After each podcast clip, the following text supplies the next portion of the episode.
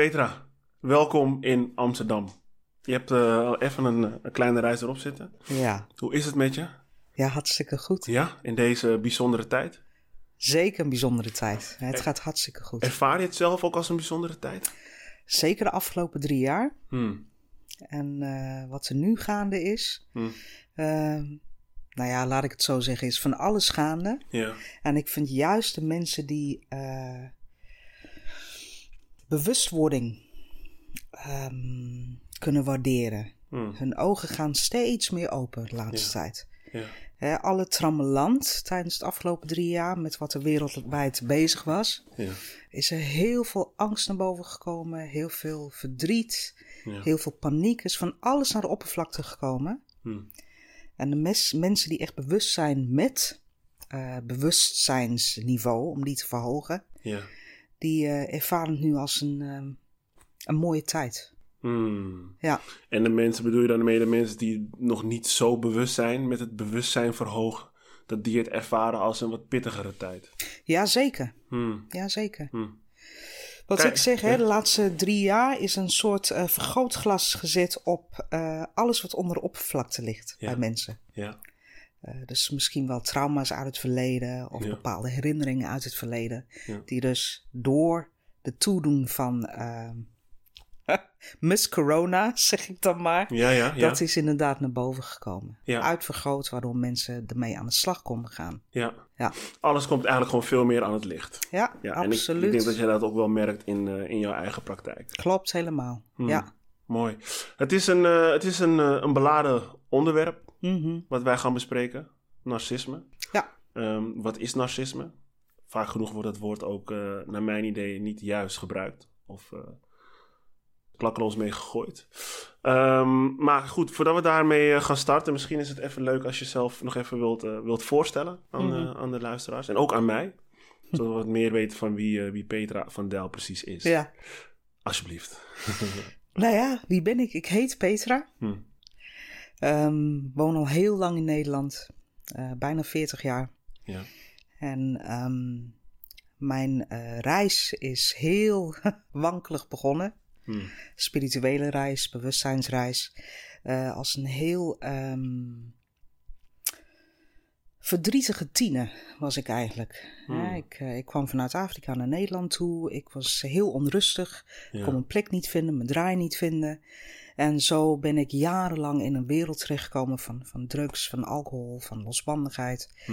Eh, totaal van God los. Maar mijn hart was altijd op zoek naar iets moois. Hm. Over En, welke eh, periode hebben we het nu? Eh, dan heb ik het over heel lang geleden. 1987. Ja, Ik was toen 13, 14 jaar. ja. En dat, dat ging zo een aantal jaar door. Ik denk tot mijn 23ste ongeveer. Wauw. Dat ik echt op zoek was naar iets. En ik wist niet precies wat. Ja. Uh, maar ik, mis, ik, wist wel dat ik mezelf wilde helpen. Ik wist Mm. toen de tijd niet hoe. Ja. En dat ik dat dus ook met anderen wilde delen. Ook geen idee wat ik ging doen. Hm. Maar het verlangen was er altijd. Ja. Ja. En daarnaast ben ik ook uh, moeder. Ik heb een uh, dochter van 18, uh, eigen praktijk. En um, een hele lieve moeder heb ik nog steeds, gelukkig. Okay. Ja. een broer, een zus.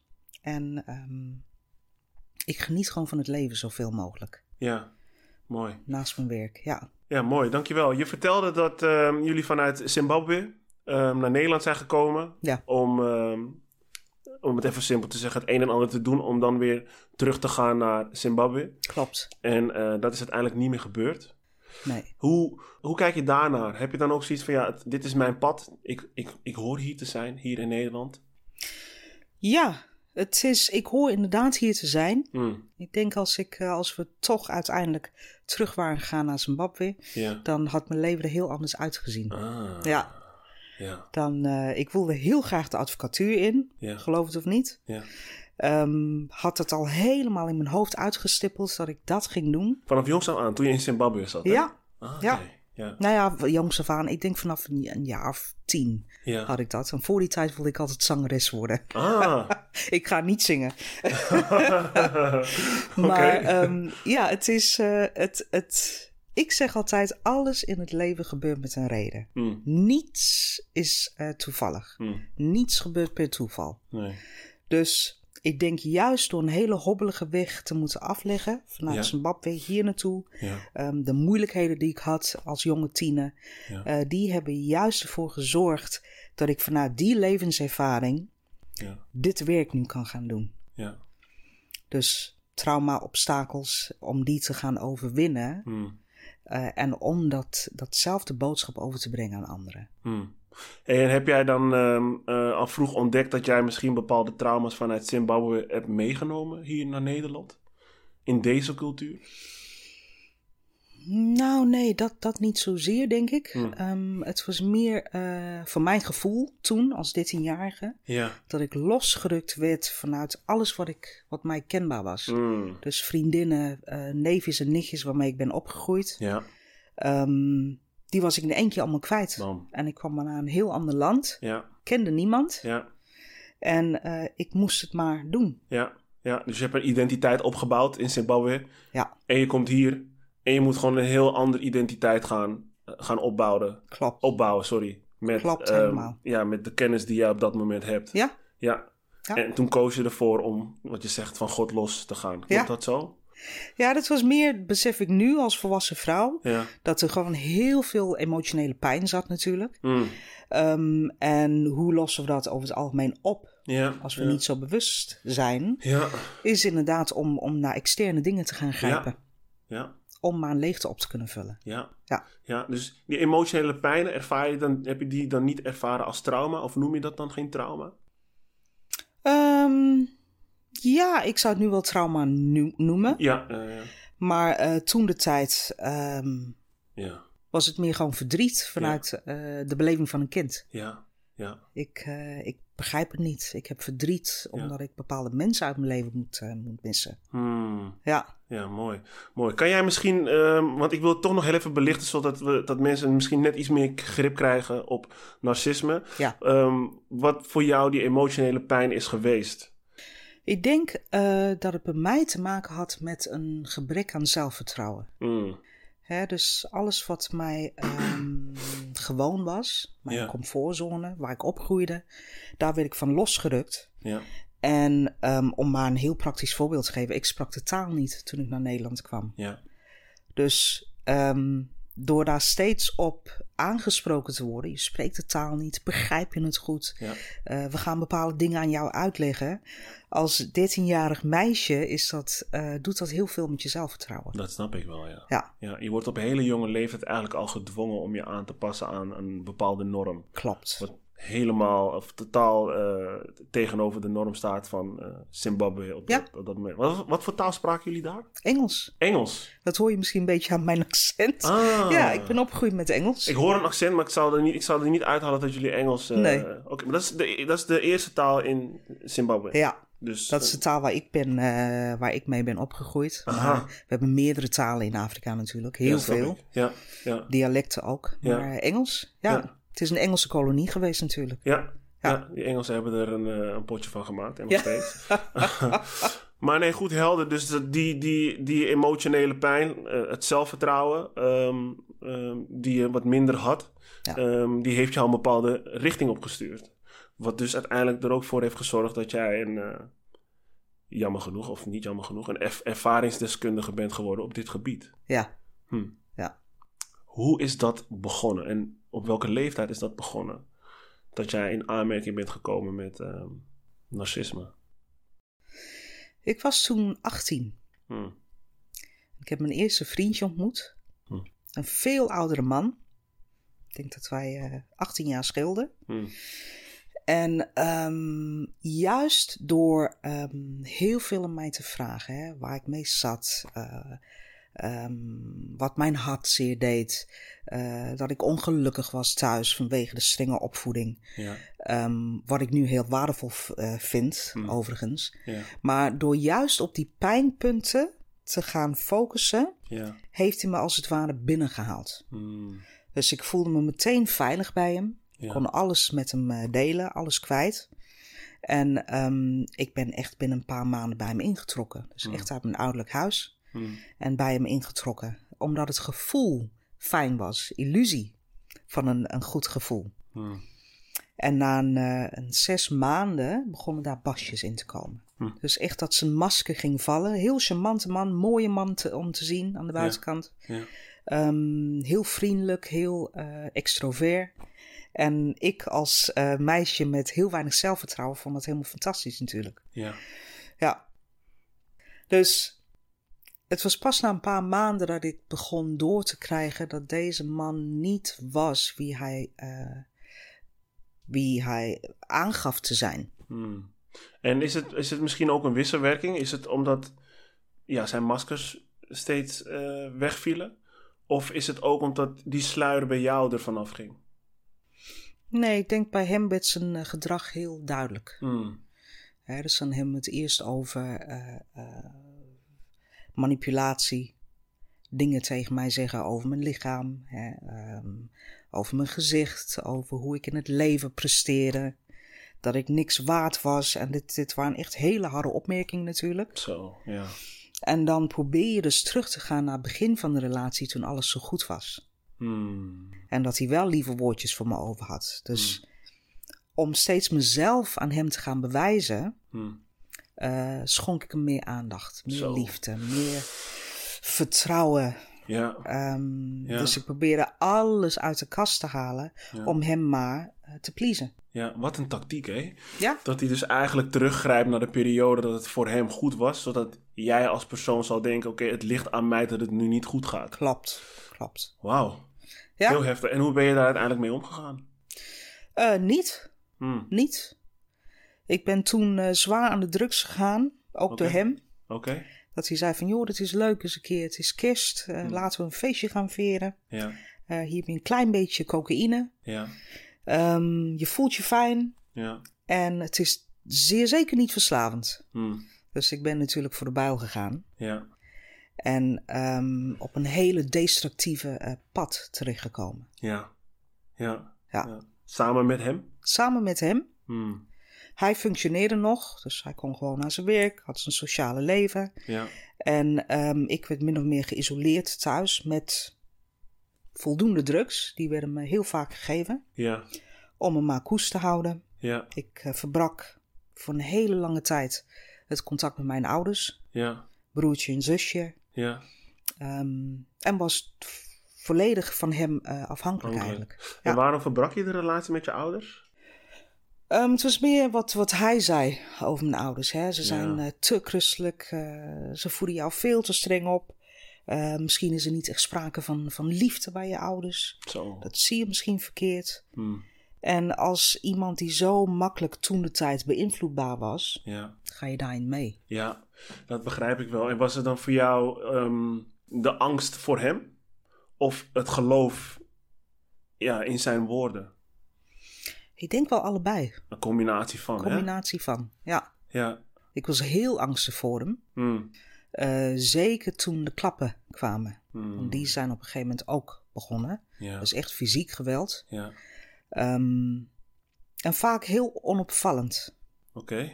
Dus echt onder de kleding, hè, blauwe plekken, Ja. die niemand anders zou zien. Ja. Ehm, terroriseren, als je A doet, dan zal ik B gaan invoeren. Hmm. Dus de angst was er wel degelijk. Ja, Alleen voor de buitenwereld, Ja. ehm, nee hoor, er is niks aan de hand. Ik ben zo gelukkig met hem. Ja. Dat is wat ik steeds profileerde naar de buitenkant toe. Dat snap ik. Ja. Omdat de consequenties komen natuurlijk in jouw gedachten. Klopt. Van hé, hey, wat als ik het ga vertellen? Of wat als... Ja?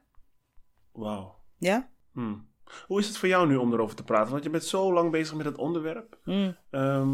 Komt er nog wat omhoog bij jou überhaupt? Voel je nog misschien nog een bepaalde emotie richting zo iemand? Nee, eigenlijk niet. Ik heb er wel heel lang over gedaan hoor, om het te verwerken. Ja. Want eh, de relatie is uiteindelijk na acht jaar beëindigd door toedoen van mijn ouders. Ah, oké. Die hebben gezien wat er gaande was. Ja. En eh, ze hebben geregeld dat ik naar Stockholm kan, eh, kon gaan Ja. om daar te studeren en te werken. Hmm. Ehm, onder het mom van, joh, het is maar voor drie maanden. Ga ga eens gewoon een andere omgeving leren kennen. Ja. En ehm, ik had op dat moment niet door dat, dat, eh, dat ze eigenlijk mij aan het redden waren. Ja. Zij hadden veel meer door dan dat ik Hij door zelf had. door had. Ja, Jeetje. dus eh, die hebben dat allemaal geregeld. Ja. En ehm, Uh, ik heb daarna denk ik wel vier jaar nodig gehad om daarvan te herstellen. Fysiek, mentaal, emotioneel. Uh, ik ben nog even doorgaan denderen met uh, het misbruik van alcohol. En op een na gegeven die acht moment, jaar? Na die acht jaar, ja. ja. ja. En op een gegeven moment is uh, een, een switch ontstaan. Dat ik dacht, deze man heeft me eigenlijk niets goeds gebracht. Alleen maar ellende. Hmm. En ik ga hem alsnog verdedigen af en toe. Dat deed ik toen de tijd. Um, hoe zit het nou werkelijk? Hmm. En zo ben ik eigenlijk op een zoektocht gegaan. Ik, ik heb zelf hulpenboeken gekocht. Hmm. Toen de tijd uh, had je natuurlijk geen podcast of Spotify of uh, YouTube was het toen ja, uh, niet. Ja, ja, Maar was wel Oprah Winfrey. Ja, ja redden voor velen. ja. Redden voor velen. Die vraag heeft me echt gered. Zo. Ja. Jeetje, acht jaar lang heb je in zo'n relatie gezeten. En ik hoor je dan ook vertellen over het verdedigen van zo iemand. Ja. Kan ik me ook wel voorstellen dat het verdedigen ook een beetje te maken heeft met het in stand houden van je eigen um, zelfbeeld. Mm. Als in, ja, ik heb toch acht jaar met die man gewoond, dus ik moet iets goeds kunnen vertellen over, over zo iemand. Anders uh, haal ik mezelf alleen maar meer naar beneden. Ja. Ja. En het was ook, uh, nou ja, weet je, je als doelwit van narcisme ja. uh, hou je ook een masker voor. Mm. En achter het masker gebeurt er natuurlijk van alles. Mm. Maar vanwege angst, vanwege uh, schuld, schaamte, ja. wil je dat niet delen met de buitenwereld. Ja. Vaak ging er door mijn hoofd heen, hoe stom ben ik geweest ja. om me in te laten met deze man. Ja. En dat is helaas wat ik iedere dag weer in mijn praktijk hoor. Ja. Hoe stom ben ik geweest. Ik voel me zo schuldig. Ik heb zoveel schaamte. Ja. Maar de masker is eigenlijk ook een soort redding geweest. Hm. En uh, op het moment dat je bus, bewustzijn gaat verhogen, dat is natuurlijk ook een proces. Ja. Maar dan gaat de masker steeds meer vallen, ook bij jezelf. Hm. De, de filter als het ware. Ja, die valt, die valt weg. Die valt weg. Hoe verhoog je je bewustzijn dan? Is het iets dat je verhoogt of is het iets dat gebeurt? Nou, dat is iets wat gebeurt door. Ja. Um, ik denk in eerste instantie om heel uh, uh, eerlijk te zijn. Ja. Over wat je hebt meegemaakt. Ja. Vertel je verhaal, zeg ik altijd. Ja. En uh, daarbij zeg ik ook altijd: niet iedereen heeft het recht om jouw verhaal te horen. Ja. Kies de mensen uit. Ja. Deel dat verhaal. Maar dan ook de soul searching is zo belangrijk. Ja. ja. Waarom doe ik bepaalde dingen? Vanuit welke overtuiging doe ik bepaalde dingen? Ja. Um, wat voor relatie heb ik met mijn innerlijke criticus? Hmm. Welk gesprek heb ik dag in, dag uit met mezelf? Ik vind het een hele mooie, die laatste. Ja. Wat voor relatie heb ik met mijn innerlijke criticus? Ja.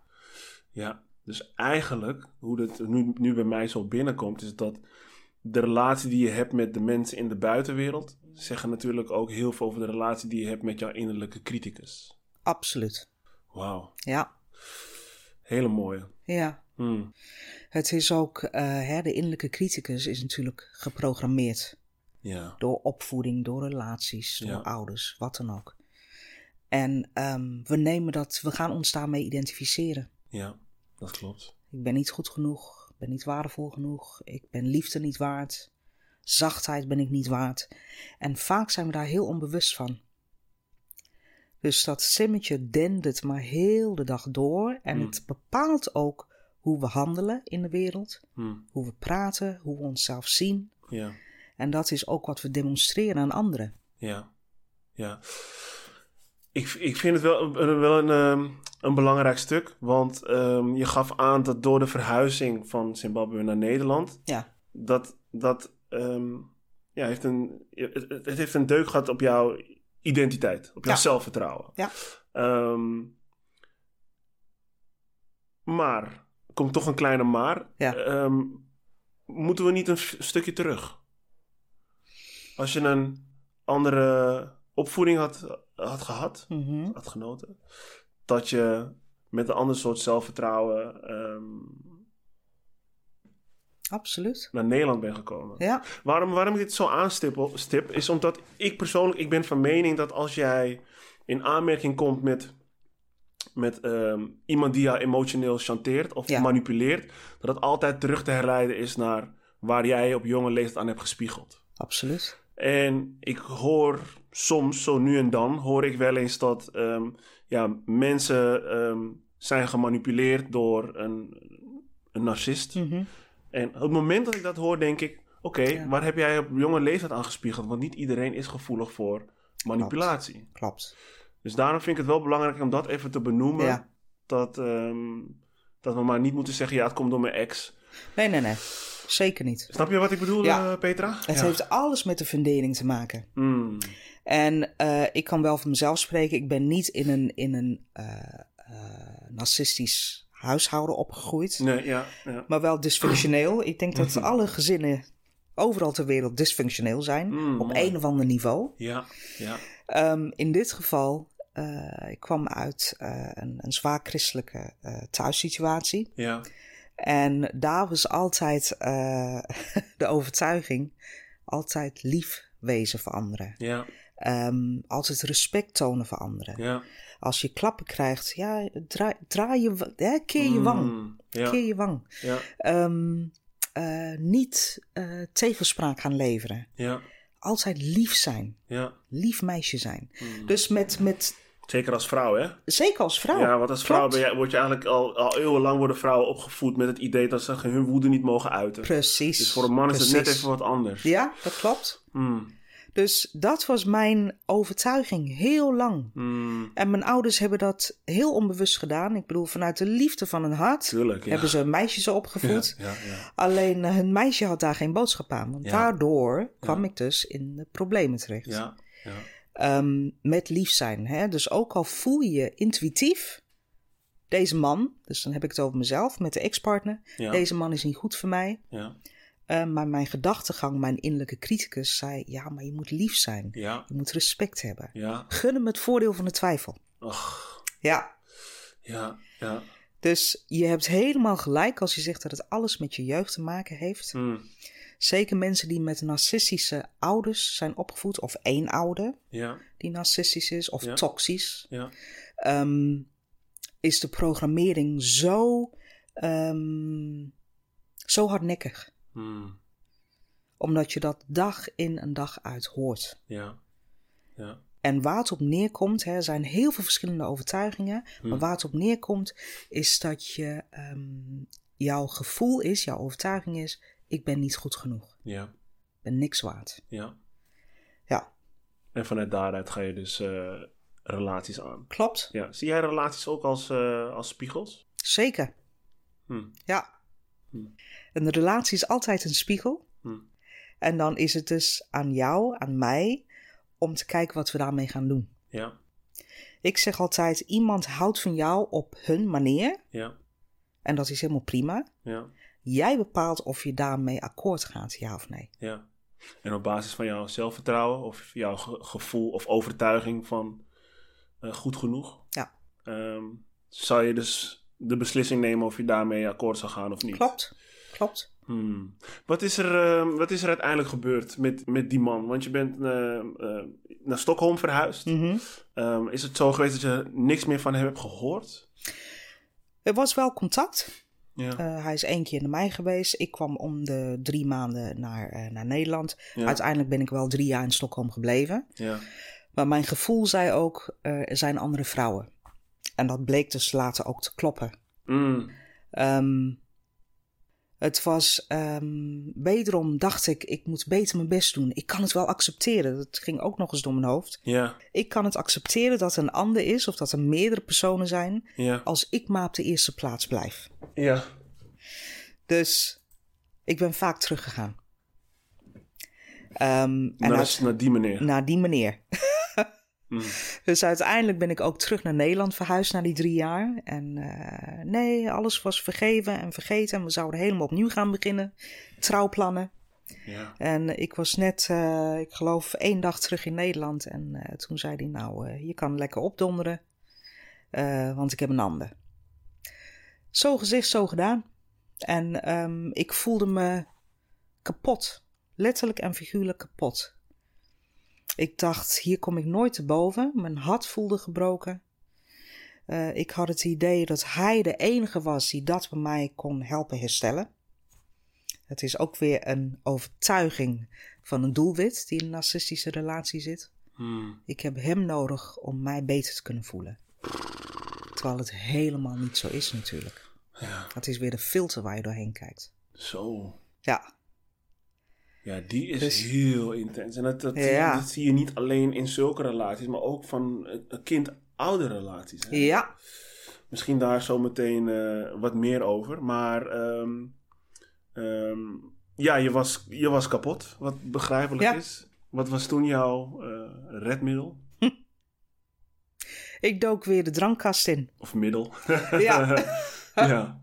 Ehm, met steeds een onderbuikgevoel, een intuïtie die zei van jij komt hier uit. Je moet hier uitkomen. Oh ja?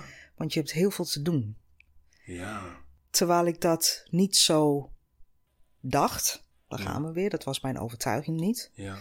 Eh, ik dacht, nou ja, ik, eh, ik vind wel een baan. En, ehm, of ik blijf gewoon junk, want ik was echt een junk. Ehm, en het, het boeide mij niet welke kant mijn leven nog opging. Zo. Ehm, heb wel eens een zelfmoordpoging gedaan. oh ja? Ehm, ik heb wel eens een overdosis genomen. En juist toen ik die overdosis nam, ik krijg er nog kippenvel van. Ik voelde mezelf helemaal wegzakken. Ik zag ook mijn leven aan me voorbij flitsen. Ik was toen 22, 23 geloof ik. Hm. En ik voelde dat er een, een, een hand op mijn schouder terecht kwam. Hmm. En die zei van nee, ik trek je hier uit. Jij zakt nu weg, maar ik trek je hier uit. Want je hebt heel veel te doen in het leven. Hm. Ehm, ik voelde ook letterlijk dat die hand mij uit de, het abyss trok. Hm. Ehm, en toen heb ik mezelf beloofd, ik ga hier iets mee doen. Al wist ik niet wat. Ik had geen idee wat.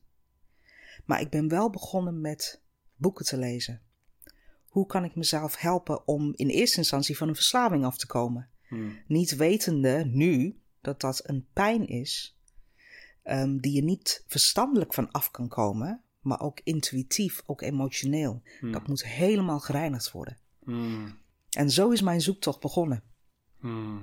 Dus het is, ik kan niet aangeven welke, eh, eh, welke momenten was het dat alles bepalend was. Ja, ja. Het waren gewoon allemaal kleine, Kleine. stappen Ja.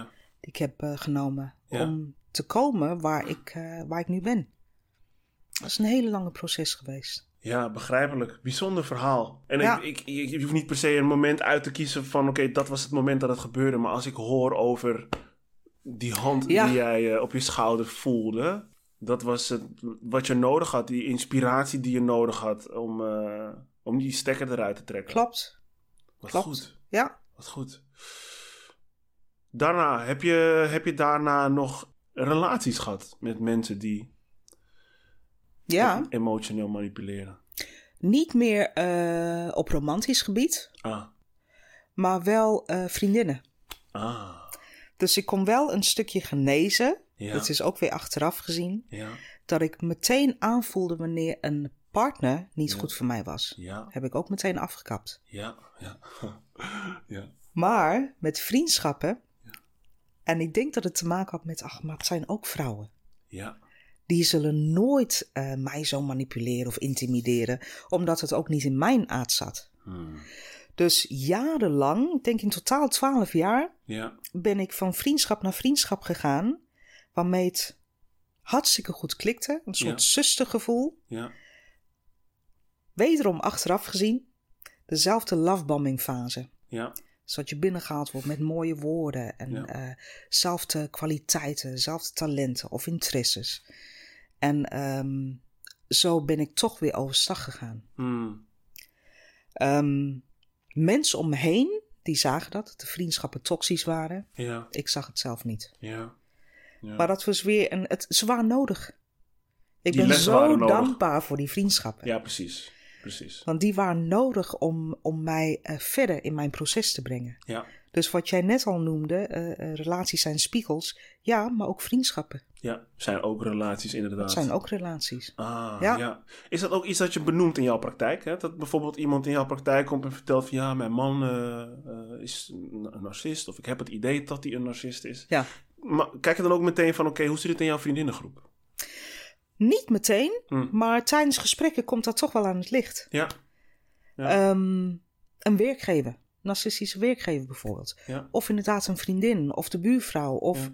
dat, eh, dat de spiegels steeds voorgehouden worden Ja. die jou eigenlijk dwingen Ja. om naar binnen te keren. Ja. Ja. Ja, mooi. Mooi. We zijn al even onderweg. ehm, maar misschien is het toch nog even handig om, om, om het even over het woord narcisme te hebben. Ja, Ehm, dus ja, ik zou graag jouw definitie willen, willen, willen horen van, Ja. een, een, eh, van narcisme. hoe ik het zie is dat het verloren zielen zijn. Mm. En in die zin, ehm, ze zijn zo ver van zichzelf verwijderd Ja. dat ze dus ook geen verbinding kunnen maken, waardeverbinding met de ander. Ja. En juist om hun emotionele pijn, eh, om daarmee om te kunnen gaan, leggen ze eigenlijk alles buiten zichzelf. Ja. Dus het doelwit moet alles gaan doen om de narcist zich beter te laten voelen. Ik praat het niet goed hè, als ik het heb over eh, eh, getraumatiseerde personen, verloren zielen. Ik praat het absoluut niet goed, want kwaadaardig gedrag heb je ook. Ja. En dat hoef je absoluut niet te tolereren of daar empathie voor te tonen. Ehm, maar narcisten gebruiken dus tactieken om controle over de ander uit te voeren. Ja. Eh, manipulatie, intimidatie, nou ja, gaslighting. Dat komt ook vaak naar voren. Hè? Dus dat, eh, dat ze zeggen de lucht is blauw. En jij zegt nou het is een beetje bewolkt. Nee hoor, het is echt wel blauw. Mm. Dus dat je aan je eigen perspectief gaat twijfelen. Mm. Dat is, de dat is gaslighting. Dat hè? is wat Dat gaslighting iemand is. anders je laat twijfelen aan jouw eigen perspectief. Klopt, Mooi. ja. Dus het, eh, het is een en al, het is een machtsspel. Ja.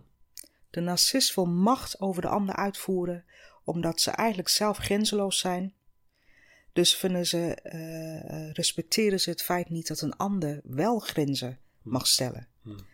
Ehm, dus een grenzeloos gedrag, dat uit zich in allerlei relaties Ja. wat betreft een narcist. Ja. Eh, hij of zij trekt een bepaalde persoon aan, of is juist, of heeft het gemunt op een bepaalde persoon, Hmm. vanwege de kracht die ze zien. Want de narcist ziet altijd de kracht van een ander. Mm.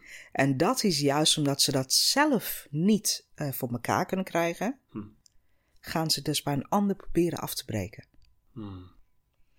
En dat is, narcisme is, is zo groot eigenlijk. Ja. Maar dit is de kern waar het eigenlijk om draait. Ja.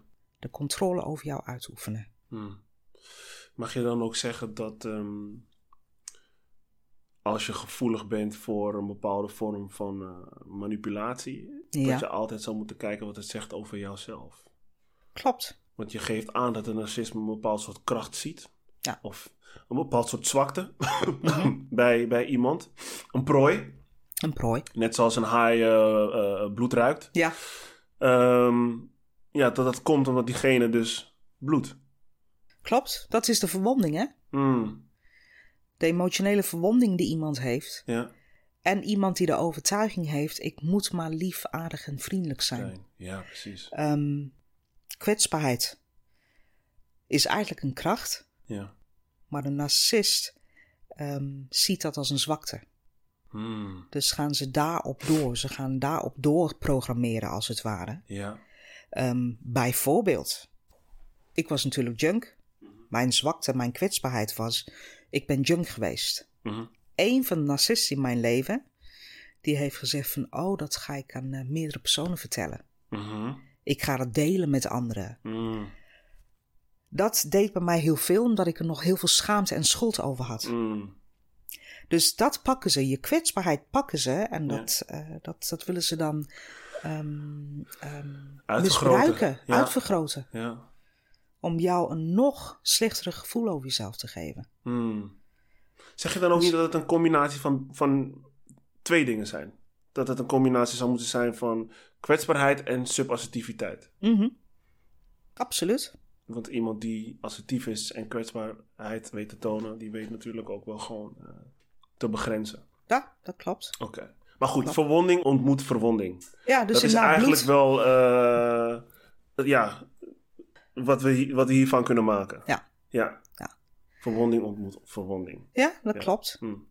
En het is een toxische dans waar je in terechtkomt. Hè? Mm. Dus twee verwonde personen die in een relatie of vriendschap komen of in een familieband, ehm, die gaan elkaar continu pijnigen. ja, Ehm, en zichzelf eigenlijk. Het doel het pijnigt zichzelf. Dus je Mm. probeert het zo goed mogelijk te doen om eh, de narcist te pleasen. ja, Maar ondertussen ehm, pleeg je eigenlijk zelfsabotage. ja, Dus je haalt jezelf steeds verder en dieper naar beneden. ja, ja. En eh, dus de pijn blijft eh, aangewakkerd Mm, eh, worden mm, bij jezelf. En Ja. de narcist die voelt zich natuurlijk groot en machtig. ja, Dus het is een. ehm, het is echt een hel waar je in terechtkomt. Maar ook waar je jezelf uit kan halen. ja. Door juist naar binnen te keren. Jezelf te vragen: wat doe ik mhm, waardoor ik dit soort gedrag van een Mhm. toxisch persoon tolereer? mm, Wat mag ik anders gaan doen? mm, Ben ik hard voor mezelf? Ben ik veroordelend? ja, Of kan ik ook compassie en zachtheid toe gaan passen? ja. Mooi. En dat is nodig. Ja. Mag je ook zeggen, waar komt het vandaan dat ik dit soort gedrag tolereer? Ja? Hoe is dat ontstaan? Hoe is dat ontstaan die, inderdaad? eh, die overtuiging. Klopt. Ehm, en ik hoor je ook zeggen van een narcist voelt zich groot en, en, en sterk. Ehm, misschien daar even, kan je misschien daar even wat meer over vertellen? Want ja, in, intern voelt een narcist dat helemaal niet zo. Nee, een, een, een narcist is eigenlijk een heel onzeker persoon. Ja, Ehm, wat de reden ook is, hè, eh, er zijn verschillende combinaties waarom een, iemand een narcistische persoonlijkheidsstoornis gaat ontwikkelen. ja. Vaak is het trauma, het zit in je DNA. mhm, Het is niet voor niks dat generatietrauma steeds wordt doorgegeven. ja. Het is ook een trauma, maar het uit zich op een hele kwaadaardige manier. Hmm, Dus de narcist voelt zich leeg van binnen, ja, is niet bereid om het innerlijk werk te gaan doen, ja, want ze externaliseren alles. Ja, Het is de schuld van de ander. Het ligt aan mijn ouders. Het ligt aan die, de omstandigheden, aan mijn werk. Het ligt aan alles behalve aan mezelf. hmm, Dus om die leegte in zichzelf te kunnen opvoelen, of opvoeren, sorry, ja, hebben ze een ander nodig. ja, Die hen gaat paaien. Ehm, die, die aan alle eisen voldoet. ja. En de opvoeling van de leegte is maar tijdelijk. Hmm, Want om je echt fijn te kunnen voelen en, en jezelf te herstellen, het is natuurlijk innerlijk werk. ja, En een narcist is daar niet toe bereid. Dus die pompt zich op, die pompt zijn of haar ego op, door een ander eh, onderuit te halen. hmm, Structureel. hmm. Is het ook de reden dat een, eh, dat een narcist misschien sneller en makkelijker meerdere, meerdere relaties eh, heeft? Absoluut. Om het makkelijker vol te houden voor zichzelf? Ja. Hmm, Het is net als een auto, hè? Zo, zo ehm, omschrijf ik het wel eens. Een narcist is een auto. Ja, Eh, die rijdt natuurlijk op brandstof. ja. Jij bent de brandstof. Hmm, En op het moment dat je zegt van nou, ik ga niet meer tanken, de pomp is gesloten als het ware, hmm, eh, dan moeten ze ergens anders Ja. brandstof gaan halen. ja. Of ze breken in Of ze breken in. bij die pompstation. Dat klopt, dat klopt. Dat is eh, ja, een Door tactiek die jij ook intimidatie, manipulatie, ja precies. Ja, Dus vandaar dus dat ze heel makkelijk, ja, het is ook wel een belangrijk punt, ehm, een relatie wordt beëindigd of door de narcist zelf of door de, door de partner. ja, En vervolgens binnen een paar weken of maanden hebben ze alweer een ander. De liefde van hun leven. ja, Of in vriendschappen, nou, dit is nu mijn eh, BFF geworden. ja, En dat is omdat ze niet zonder de brandstof kunnen. Ze Ja. kunnen het niet uit zichzelf halen. ja. Dus Ja. dit gebeurt heel vaak. Hm. Ik vind het heftig, want zeker in deze tijd dat ik ook gewoon merk dat eh, nou, de trilling van de aarde gaan het verhogen. Ja. Wij leven daarop, dus onze trilling gaat ook omhoog. Maar dat maakt de, de ehm, dat maakt het juist zo, lacht, zo lastig, want alles komt dus aan het licht. En Ja. dus degene, laat zeggen een vrouw die in een relatie zit met een narcist, die ziet veel meer wat er daadwerkelijk gebeurt. Maar tegelijkertijd denkt ze dan, kan diegene ook denken, maar hoe moet ik hiermee omgaan? Want Ja. de consequenties zijn extreem. Ja, En ik denk dat je dat ook in jouw praktijk krijgt. En heb je dan ook wel eens van die momenten van ja, ik weet zelf ook niet wat voor advies ik hier moet geven. Nee. het gebeurt wel eens dat ik het echt niet weet. En zeker in heftige situaties. Ja, Bijvoorbeeld waar kleine, jonge kinderen bij betrokken zijn. ja, Ehm, mijn advies is standaard: verbreek het contact, ga weg. Desnoods moet je bij je ouders of een vriendin intrekken. Ja. Maar haal jezelf uit een toxische omgeving. Ja. Dat is makkelijker als je alleenstaand bent. Ja. Maar heb je het over jonge kinderen? Ja. Ehm, wat er dan vaak gebeurt als je vertrekt, en dit heb ik ook vaak meegemaakt in de praktijk, Ja. je vertrekt, of dat nou de man of de vrouw is met de kinderen, Mhm. dan worden vervolgens de kinderen zwaar gemanipuleerd door de toxische ouder. Mhm. De kinderen worden ingezet als pionnen Mhm. Om maar voeding te kunnen halen. Dus Hmm. dat is ook wat een toxische ouder doet. Die haalt voeding uit de kinderen Ja. en ze weten dat dit de oude, ook de gezonde oude, ehm, ook schaadt. Mhm. Dus een soort driehoeksverhouding krijg je dan. Ja. Ehm, dan wordt het heel lastig. Ja. Maar dan nog zeg ik, zoek naar manieren om jezelf weer uit deze situatie te bevrijden. Tuurlijk. Eh, ik vind niet, en zo ben ik ook opgevoed, eenmaal getrouwd, altijd getrouwd. Mhm. Ook al zit je in een toxische omgeving, kinderen zitten erin, dan wordt er gezegd, de kinderen hebben dat niet door. Ja. Tuurlijk hebben kinderen dat door. Ja. Die voelen van alles. Ja. En het is niet gezond om te zeggen, ik blijf wachten tot de kinderen ouder zijn. Mhm. Is gewoon niet gezond. Dus het, het is heel lastig hoor. Niet iedereen kan zomaar het contact verbreken. En ook al kies je ervoor, heb je er last van. Want je zit door jarenlange intimidatie en misbruik, zit je in een traumaverbinding. Dus verstandelijk weet je, deze relatie is niet goed voor mij. Mhm. Maar emotioneel gezien wil je eigenlijk dat het weer goed komt. Ja. Om jouw eigen pijn te kunnen verzachten. Ja. Dus dan blijf je heen en weer. Het, het zijn twee ehm, tegenwerkende overtuigingen die je dan hebt. Verstandelijk, ik moet weg. Emotioneel, ja, maar ik kan niet weg, want. Vul maar in. Ja. Ik kan mijn huis niet opgeven. Ik kom in financiële nood. Ja. Eh, deze man of vrouw houdt eigenlijk van mij. Ja. Alleen ze gaan door een moeilijke periode heen, bijvoorbeeld. Dus eh, excuses worden verzonnen. ja. Ja. Terwijl het patroon zich gewoon eh voordient eigenlijk. Ja. Klopt.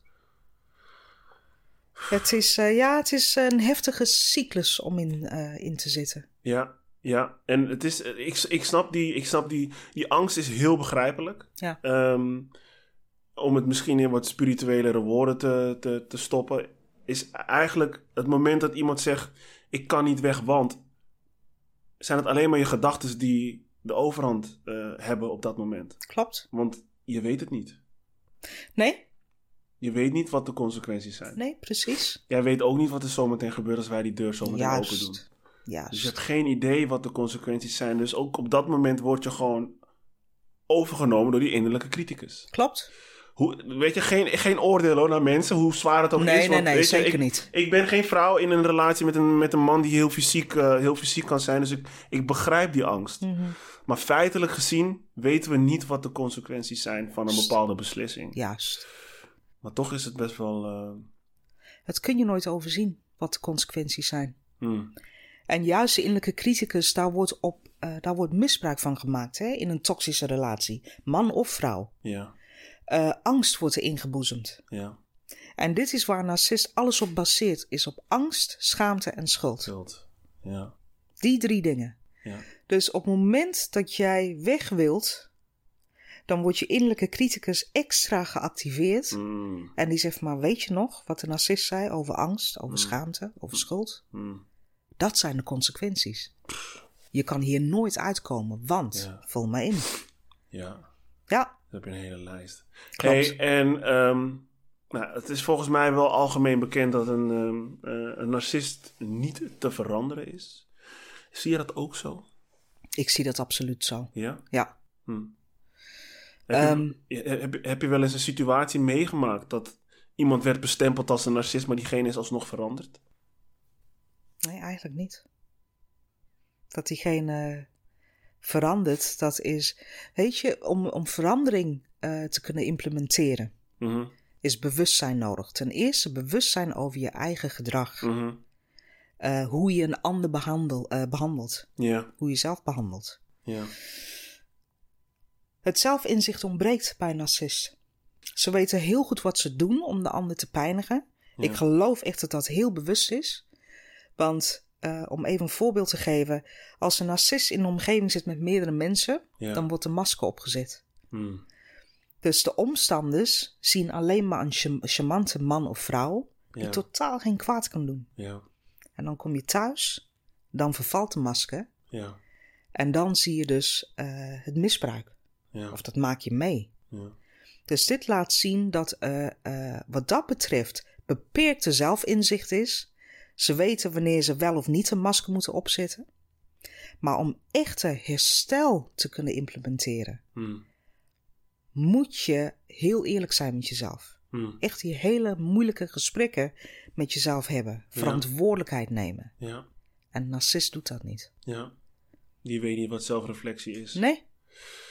Wat is, wat is dan hun doel hier? Heb je, dat, heb je daar wel eens over nagedacht? Van wat doen jullie hier? Ik denk, en dat klinkt misschien heel egoïstisch. Oké, laat maar komen. Ik denk dat ze hier zijn om de bewustzijn te verhogen Mhm. van mensen die daarvoor openstaan. Ja. Mooi. Ja. Mooi. En als je daar in de les kan zien, pak het met beide handen aan en ga ermee aan de slag. Ja. Ja. Ja. Ik vind het wel best wel heftig eigenlijk. Want aangezien we, we weten nu dat een, eh, een narcist manoeuvreert vanuit een bepaalde leegte. Mhm. ehm, heeft een narcist eigenlijk altijd een, een, een, een verschrikkelijke binnenwereld, een verschrikkelijk leven. En als, als iedereen, laat zeggen op mondiaal niveau, niveau die kraan dicht doet Mhm. voor de narcist. Mhm. Wat is de optie die de narcist nog heeft? Oh, dat is een mooie vraag. Daar heb ik nooit over nagedacht. Oh, Nee, ja, dat want- vraag ik mij wel eens af, ja. inderdaad, als iedereen de kraan dicht zou draaien. hè, Ja, Brandstof toevoer wordt stopgezet. ja. Dan blijven alleen maar narcisten over. Hmm. Die dan eigenlijk met elkaar zouden moeten communiceren. Elkaar vernietigen. En elkaar vernietigen. Hm. Klopt. Dus dat is Ja. de enige. dat is eigenlijk dus de enige. Ja, dat is eigenlijk de enige optie als je als persoon niet zelfreflectief bent, dat je jezelf, dat je jezelf vernietigt. Precies. Hm. Precies. Heb je een beetje de indruk dat wij daar nu naartoe gaan in deze tijd? Dat ze hunzelf aan het vernietigen zijn? Omdat steeds meer mensen die kraan dicht doen. Ja, aan de ene kant. En aan de andere kant zie ik de druk alleen maar opgevoerd worden. Ah. Zeker als je kijkt, hè, dus niet persoonlijke relaties, maar als je kijkt naar de staat van de wereld op dit moment. Ja, Wereldleiders, regeringsleiders. ja, Ehm, het, de druk wordt zo opgevoerd. ja, Ehm, mensen gaan twijfelen. ja. Eh, mensen willen ook, ehm, of mensen zijn ook angstig als ze zien wat er om hen heen gebeurt. ja. Ehm, daar wordt geen gehoor aan gegeven. Hm. Er komt steeds meer druk en meer druk. Mensen gaan vluchten. Ik merk het ook in mijn praktijk dat mensen zeggen: eh, ik, ik pak mijn spullen in, ik ben gewoon weg. Ik ga, eh, ik, ik ga een, een hutje in een hutje op de hei wonen, bijvoorbeeld. Dat boeit Ik- ze niet, ja. Precies. Hm. Ik wil naar binnen kunnen keren, maar ik kan niet omdat er te veel geluid is om me heen. Ja, Te veel nare dingen gaande. ja, Ik geloof echt dat wij een kantelpunt hebben bereikt. ja, En het is steeds meer aan het kantelen ten goede. ja, Alleen nu moeten we nog even door een hel heen, als het ware, ja. voordat we daar kunnen komen. Het, het is een proces, het is een reis. Ja. ja, die snap ik. Die snap ik heel goed. Het is, het is, te- te- ik vind het altijd mooi om te, te vergelijken met een relatie, wat er op Ja. mondiaal niveau gebeurt. Ja, in een relatie met een psychopaat of Ja. een narcist, laat het gewoon op narcisme houden. Als je die relatie verbreekt, Ja. is die relatie nog niet klaar. Nee? Het heeft alleen een andere vorm gekregen. En het kan zo zijn dat die narcist ervoor kiest om je te stalken. Ja. Of om je op allerlei verschillende manieren te intimideren. Dat kan jij, eh, dat ken jij veel beter als ik. En dat is wat er nu denk ik een beetje gebeurt op deze Ja. wereld. Dus het is niet alleen zo dat alles wat in het donker plaatsvindt aan het licht komt. Nee. Maar er wordt ja, heel hard ehm, hun best. Ze doen gewoon heel hard hun best om ehm, die touwtjes vast te, blijven, Klopt. vast te blijven houden. Klopt. Dus daar moeten wij als mensheid ook gewoon nog steeds doorheen. Ja? Hmm. Ja, klopt helemaal. Hmm. Maar vergeet niet dat jij de eigen touwtjes in handen hebt wat betreft je eigen leven. Hmm. Dus er kan van alles gaande zijn, extern. Ja. Maar als je maar hier de controle over hebt, hoe je Ja. denkt, hoe je voelt, Ja. je eigen bewustzijn, Ja. waar je wel en niet aan mee gaat doen. Ja. Ehm, dat is ook heel belangrijk. Ja. En lastig hoor. En lastig, zeker. Het is een uitdaging. Heel lastig. Want als ik kijk naar mijn eigen leven, dat ik als ik in mijn waarheid ga staan, dan kan ik gewoon geschreven gezichten krijgen van bepaalde mensen. Ja. En mijn innerlijke criticus, die heb ik natuurlijk ook. Ja. Die zal dan weer denken, maar mijn dochter dit. eh, die situatie zo. Mijn huis. Mijn werk. Je gaat dan van alles denken. Klopt. Dus is dat, ook, is dat ook eigenlijk wat je aanraadt, dat je zoveel mogelijk moet eh, proberen om dat los te laten? De consequenties? Sowieso de, de weerstand los te laten. Hmm. Hè, want er is heel veel weerstand. ehm, als je bijvoorbeeld hebt over eh, eh, wat jij net al aangaf. Hè? Als ik mijn waarheid uitspreek, Ja. dan, eh, dan krijg ik scheve gezichten. Ja.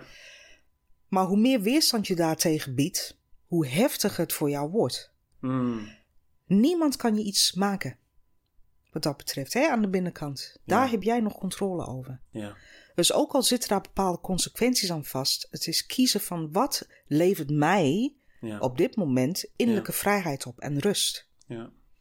Dat wil niet zeggen dat de externe wereld dan meteen vredig is, Hmm. maar als je maar steeds terug kan keren naar, naar dat rustige punt in jezelf. Hmm. En je waarheid vertellen, nogmaals, niet iedereen heeft recht op jouw verhaal. Ja. Niet iedereen hoeft te weten wat jij hebt meegemaakt in een relatie. Ja. Kies de personen uit die jou een warm hart toedragen. Ja. Bij wie je vertrouwen voelt en wederzijds respect. Mooi. Ja. Om het daarmee te delen, om in ieder geval de schouders of de last op jouw schouders te verlichten. Mooi. Maar het blijft een uitdaging, tuurlijk. Ja. Dat zal ik nooit ontkennen. Ja. Ja. Ik ben blij eh, dat je er bent, Petra. Hier in het, eh, in het universum. En mooi dat je ook, ook zelf ziet dat, dat jouw leven zo is gelopen omdat jij dit te doen hebt. Ja, Tenminste, ik, ik hoop ook dat je dit zo, eh, zo ervaart. oh, absoluut. ja, toch? absoluut. Want met het werk wat jij doet, ben jij gewoon letterlijk, echt letterlijk het bewustzijn van de mensen aan het verhogen. Nou, Er kan toch niks mooier zijn dan dat, denk ik? het is prachtig. Ja. Ja, Jezus. het, eh, ja, het, Hoe- het, het is heel emotioneel ook. Ja, dat snap Hè? ik. Ik bedoel, met, met mensen in mijn praktijk zit ik ook te huilen. Zit Oh ik ja? ook te schelden. Zit ik ook... Hè, dus je gaat door een hele rollercoaster heen met anderen. Mm, Maar het is zo fijn dat je, dat, dat je de steun hebt aan elkaar. ja, Ehm, wie ben ik? Eh, weet je, het is ook zoals Ram, eh, Ram Das ooit zei. Mhm. We zijn hier met z'n allen om Ja. elkaar gewoon thuis te brengen. Mm, Dus hou mekaars hand vast. En begeleid elkaar. Prachtig, Ja. prachtig. Hey, nog even over je praktijk. Hoe lang heb je heb je, je praktijk al, eh, Petra? Mei, het is nu mei hè? Eh 20 jaar. Twintig jaar. 20 jaar. Waarvan de laatste zeven jaar echt eh, specifiek op narcisme. En het herstel na narcistisch misbruik gericht. Hm, wat deed je daarvoor? Eh, daarvoor was ik welzijnscoach. Ah, Ja, ja, business coach heb ik ook een tijdje gedaan. oké. Ehm, eh, zelfvertrouwenscoach. Ja, Dus ik, ik zit al heel lang in het coachingvak. ja, Maar ehm, meer aan de oppervlakte, zeg ik altijd. ja. En Ja. nu ben ik de verdieping ingegaan. Wat goed, Ja, dat, wat eh, goed. Hey, en doe je dat ook helemaal alleen? ja, helemaal alleen. Hm, Dus ehm, eh, ja, ik zeg, eh, het, het, ik ben ZZP'er. ja, Ik doe alles alleen, van, Ja. van de praktische dingen tot het voorbereiden van workshops of trainingen, ja, tot, het, eh, tot de gesprekken toe, alles. ja, Maar met zoveel voldoening en soms vermoeidheid, dat hoort er ook allemaal bij. ja. Maar eh, ik, vind, ik, zou, ik zou het niet anders willen. Hm, Interessant, ja. Ja. Ben, ben, je, ben je dan niet van de, van, de, van de samenwerkingen of is het nog een thema van jou? Ik weet het niet. Nee, het is niet specifiek een thema voor mij. Er zijn heel veel mensen die daar nu mee bezig zijn, coaches, therapeuten. Ja, Ehm, ik vind het gewoon heel fijn om Zoals alleen te nu- werken. ja, Ehm, en dan met alleen bedoel ik eh, met één op één ja, cliënten. ja, Ehm, ik geef wel eens eh, eh, groepscoaching natuurlijk. ja, Ademwerksessies doe ik ook heel vaak. ja. Maar ik ben op mijn best als ik alleen werk. Hmm. Ja, En hoe gaat, hoe gaat het dan, zo'n groep coaching? Want dan gaat, het onderwerp is nog steeds eh, narcisme. Klopt. Ja, kan je me even meenemen in zo'n zo'n eh, zo'n groepsessie? Want dat is iets dat mij meteen triggert van ja, dat lijkt mij heel interessant. Ja.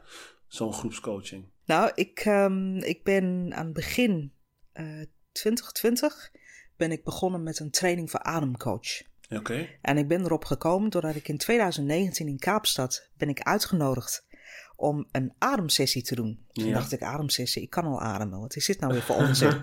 maar ik stond er wel voor open. Ja. En eh, ik ben dus eens een middagje mee gaan doen. Prachtig op het strand. Ja. Lagen we met z'n allen te ademen daar. En het heeft mij, het heeft zoveel voor mij betekend. Hmm. Doordat ik leerde op een andere manier mijn ademhaling toe te passen. Hmm. Waardoor ik dus kwam bij mijn emotionele centrum, als het ware. Hmm. Het is een soort EMDR, Ja. wat je kent van de brein. hè, Dus ja. dat je brein weer in balans komt. Maar dit is uit je eigen ademhaling. Ja. Dus afhankelijk van hoe je je adem toepast, kun je dus trauma voor jezelf gaan eh, opwekken, ver- verwerken en herstellen. Wauw. Dus toen dacht ik, dit is zo geweldig. Ik heb het een paar keer gedaan. Ik denk, ik voel me zoveel beter. Ik heb zoveel meer kunnen loslaten. Dat ik toen daarvoor een training ben gaan volgen. eh, Mm. Met een, eh, een coach in eh, Los Angeles. En zodoende ben ik dat ook gaan introduceren in mijn praktijk. Omdat het zoveel doet voor mensen met trauma. Hmm. Ik doe het in groepsverband, maar ik doe het ook één op één. Ja. En ik gebruik, maak daarbij gebruik van het circulaire ademhalingstechniek. Hmm. Wat speciaal gericht is op trauma. Hmm. Of het herstellen daarvan, laat ik het wel goed zeggen. Seculiere, Circulaire ademhaling. circulaire ademhaling. Oftewel holistisch ademhalen. Ja? Ja. Verklap je te veel als je daar iets over vertelt? Ehm, nee, eigenlijk niet. Het is, het is ehm, kijk wat ik altijd zeg, als, als je koude handen hebt in de winter, Ja. dan gebruik je adem op een bepaalde manier om ze op te warmen. Ja. Wil je je soep laten afkoelen, gebruik je dezelfde ademhaling, maar dan blaas je erop, waardoor Ja, de soep afkoelt. Ja. Zelfde ademhaling. Maar je gaat het dus op een andere manier gebruiken. Ja. Waardoor je dus echt een soort poort open doet. Ja. Mensen noemen het wel eens je zonnevlecht. Ik zeg gewoon dat is je centrum, waar al je emoties opgeslagen zitten. Hm. Je lichaam heeft een eigen intelligentie. Ja. Je kan alles heel verstandelijk gaan oplossen voor jezelf. Ja. Maar je lichaam zegt, ja, maar hou eens even. Ik heb ook een herinnering. Ja. Ook een intelligentie. Ja. Het zit op celniveau. Ja. En hoe je dat naar boven kan brengen is door op een bepaalde manier te gaan ademhalen. Hmm. Zo krachtig, zo mooi. Het is je eigen tool die je zelf toepast. Ja. Mooier kan het niet worden. Nee. Dus je eigen lichaam herstelt zichzelf. Ja. Je hebt er niks of niemand eh, voor nodig. Eigenlijk niet. Ja, wat vind je er eigenlijk van dat we, dat we daar zo weinig kennis van hebben als, als mens, als individu? Over onze ademhaling, over het celgeheugen. Ja, ik denk ehm, omdat alles. Kijk, we leven in een egocentrisch maatschappij. Hm. Alles komt vanuit het verstand. Ja. Alles moet kloppen, alles moet logisch zijn. Ja.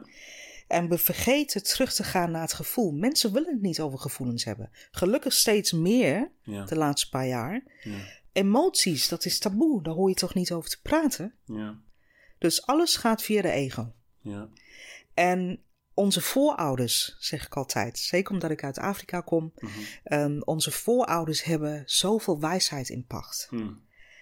En dat zijn we vergeten in de loop der jaren. Ja. Is dat voordat er psychologen waren, Ja. voordat er medicatie was, hadden ze wijsheid. Ja. Een van die wijsheden, eh, wijsheden is je ademhaling. Ja.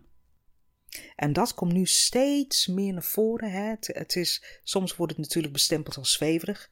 Dan denk ik, ja, maar je ademt. Is dat echt zo zweverig? Ja. Ik zeg altijd, als een baby geboren wordt, nemen ze een eerste hap adem. Hun levensenergie gaat stromen. Mhm. En op het moment dat je overlijdt, laat je dat los. Los. En wat ga je in de tussentijd doen? Moet je ook blijven ademhalen? Kun je net zo goed bewust gaan doen. Want het levert je ook heel veel op. Mooi. Ja, Ja, ik vind het een hele mooie. Kun je het net zo goed bewust gaan doen. ja, Hoe, eh, ja, dat doen we heel vaak onbewust, ja. Ik heb wel eens dat ik op de fiets ben dat ik denk... adem door.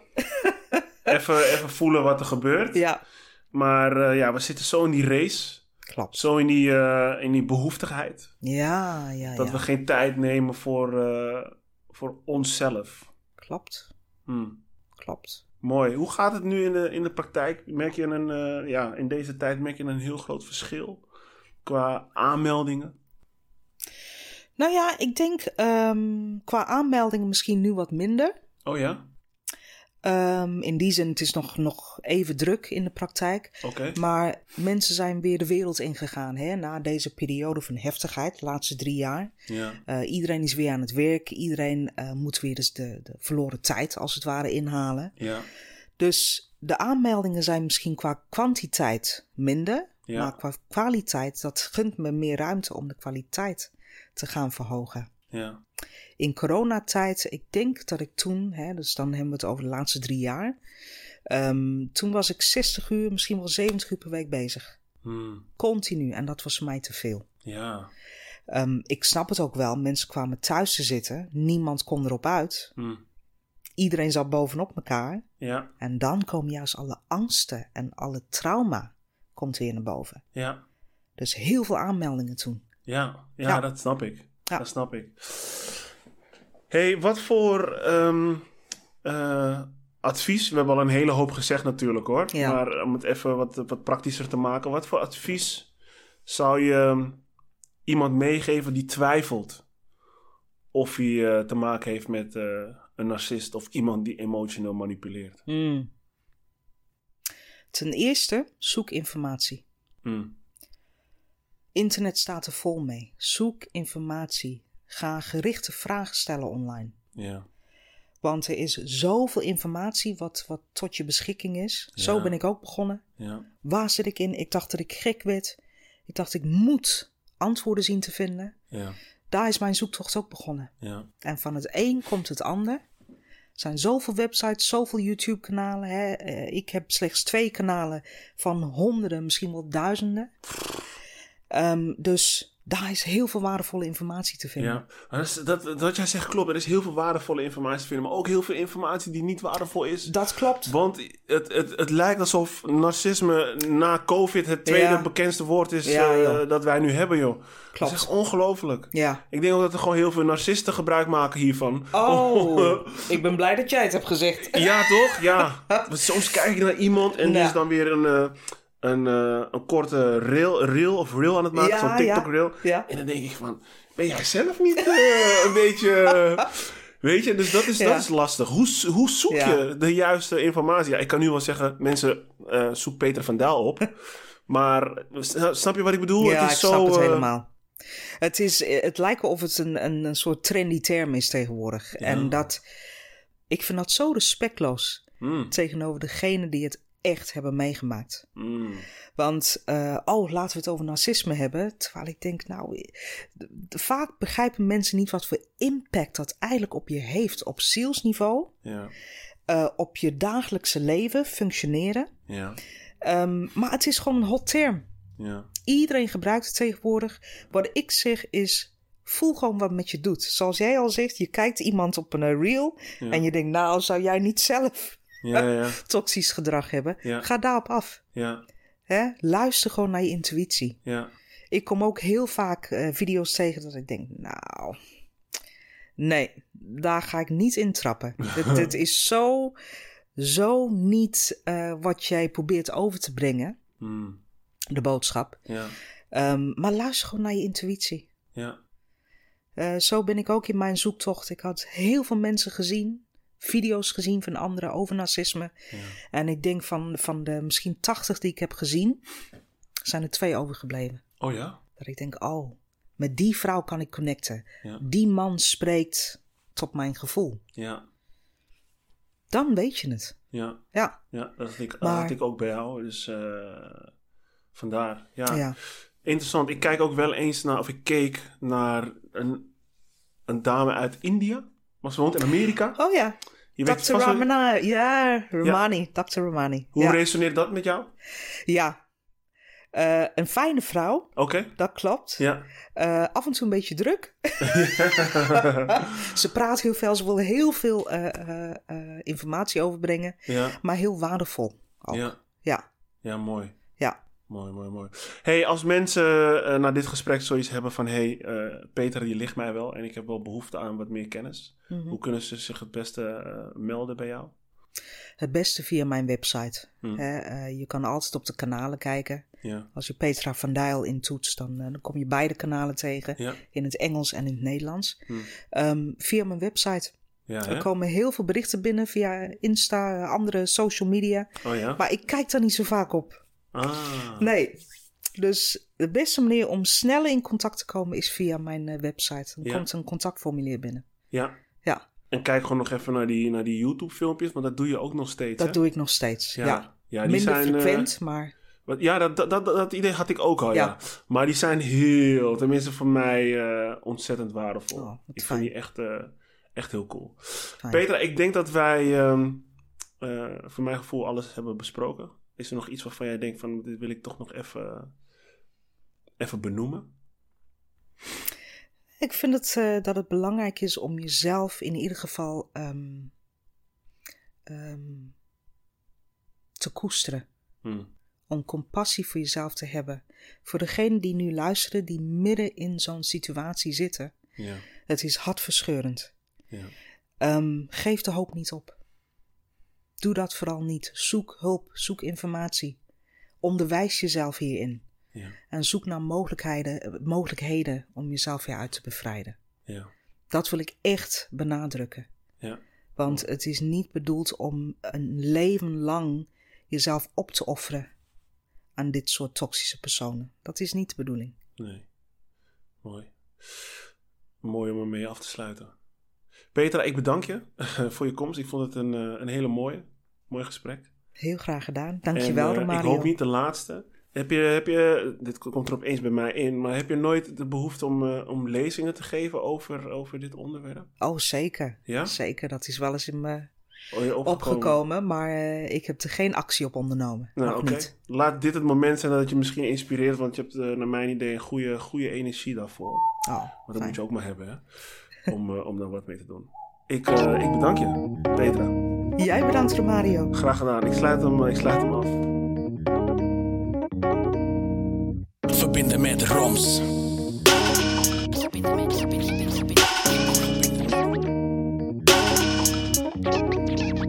Verbinden met, Roms.